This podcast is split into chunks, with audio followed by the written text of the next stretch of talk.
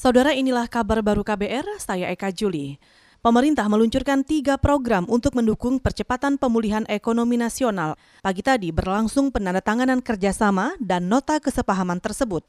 Menteri Keuangan Sri Mulyani mengatakan, perjanjian pertama terkait pelaksanaan penjaminan pemerintah untuk pelaku usaha korporasi.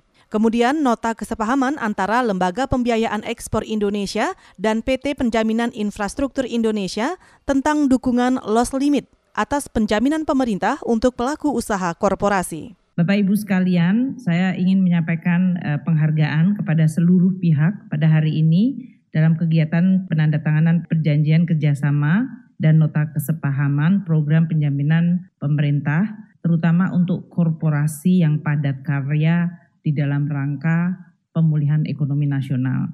Menteri Sri Mulyani menambahkan, yang ketiga adalah nota kesepahaman antara Lembaga Pembiayaan Ekspor Indonesia dan Perbankan tentang penyediaan penjaminan pemerintah untuk pelaku usaha korporasi padat karya. Nota kesepahaman ketiga itu diikuti 13 bank, di antaranya BNI, BRI, Maybank Indonesia, Bank DKI, dan Bank HSBC. Kita ke Bali. Pemerintah mengingatkan agar pelaku usaha pariwisata dan ekonomi kreatif di Bali mempersiapkan diri dan terus menjalankan protokol kesehatan dengan disiplin. Rencananya sektor pariwisata Bali akan mulai dibuka pada Jumat ini. Menteri Pariwisata dan Ekonomi Kreatif Wisnu Tama Kusubandio mengatakan, saat ini Indonesia mulai memasuki masa adaptasi kebiasaan baru. Kegiatan di sektor pariwisata dan ekonomi kreatif di Bali akan mulai beroperasi kembali secara bertahap. Menurut Menteri Wisnu, pariwisata adalah bisnis kepercayaan. Karena itu, para pelaku sektor pariwisata dan ekonomi kreatif di Bali harus dapat menjalankan protokol kesehatan dengan sebaik-baiknya.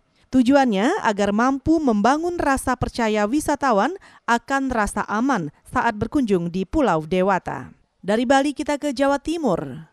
Provinsi ini menyumbang kasus kematian COVID terbanyak. Juru bicara pemerintah untuk penanganan COVID-19, Wiku Adhisa Smito mengatakan, kasus kematian di Jawa Timur mencapai 1.589 kasus. Di urutan kedua, DKI Jakarta dengan hampir 760-an kasus meninggal.